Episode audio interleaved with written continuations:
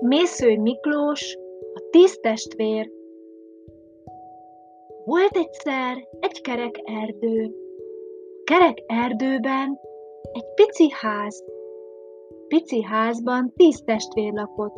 Senki más. De ez a tíz testvér úgy hasonlított egymáshoz, mint tíz ujjam. Volt közöttük kicsi, volt közöttük nagy, és volt egy legkisebb, mint a kis ujjam. Történt egyszer, hogy ez a tíz testvér nagyon megéhezett. Azt mondta a legnagyobb, rettentően éhes vagyok.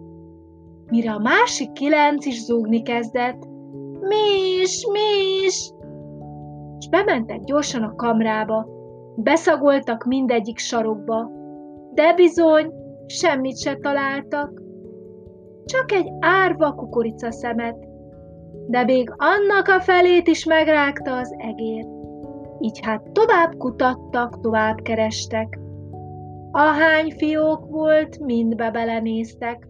Ahány láda volt, mindet kinyitották, de hiába nem volt szerencséjük. Bizony, akkor nincs mit enni, ha sehol sincs semmi, sóhajtoztak busan. De hogy mit tegyenek, az egyikük se tudta.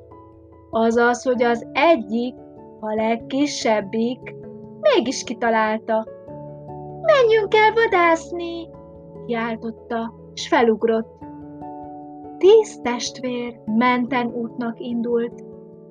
Mentek, mendegéltek, elől a nagyobbak, hátul a kisebbek, utolsónak a legkisebbik. Hegyezték a fülüket, járatták a szemüket, de semmit se láttak. Tenger nagy réten csak fű volt és virág.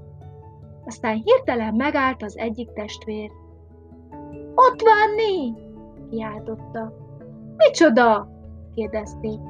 Hát egy nyúl! Ott futni! Puskát ide rögtön!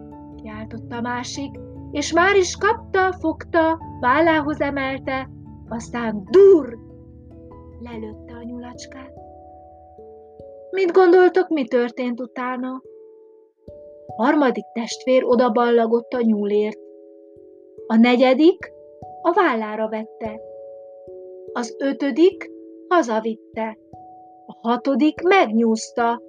A hetedik feldarabolta. A nyolcadik megsütötte. A kilencedik tányérba rakta és a tizedik, aki olyan nyiszlet kicsike volt, mint a kisujjam, az egész nyulat egy maga megette. Kilenc testvérkének csak a nyuszi farka maradt.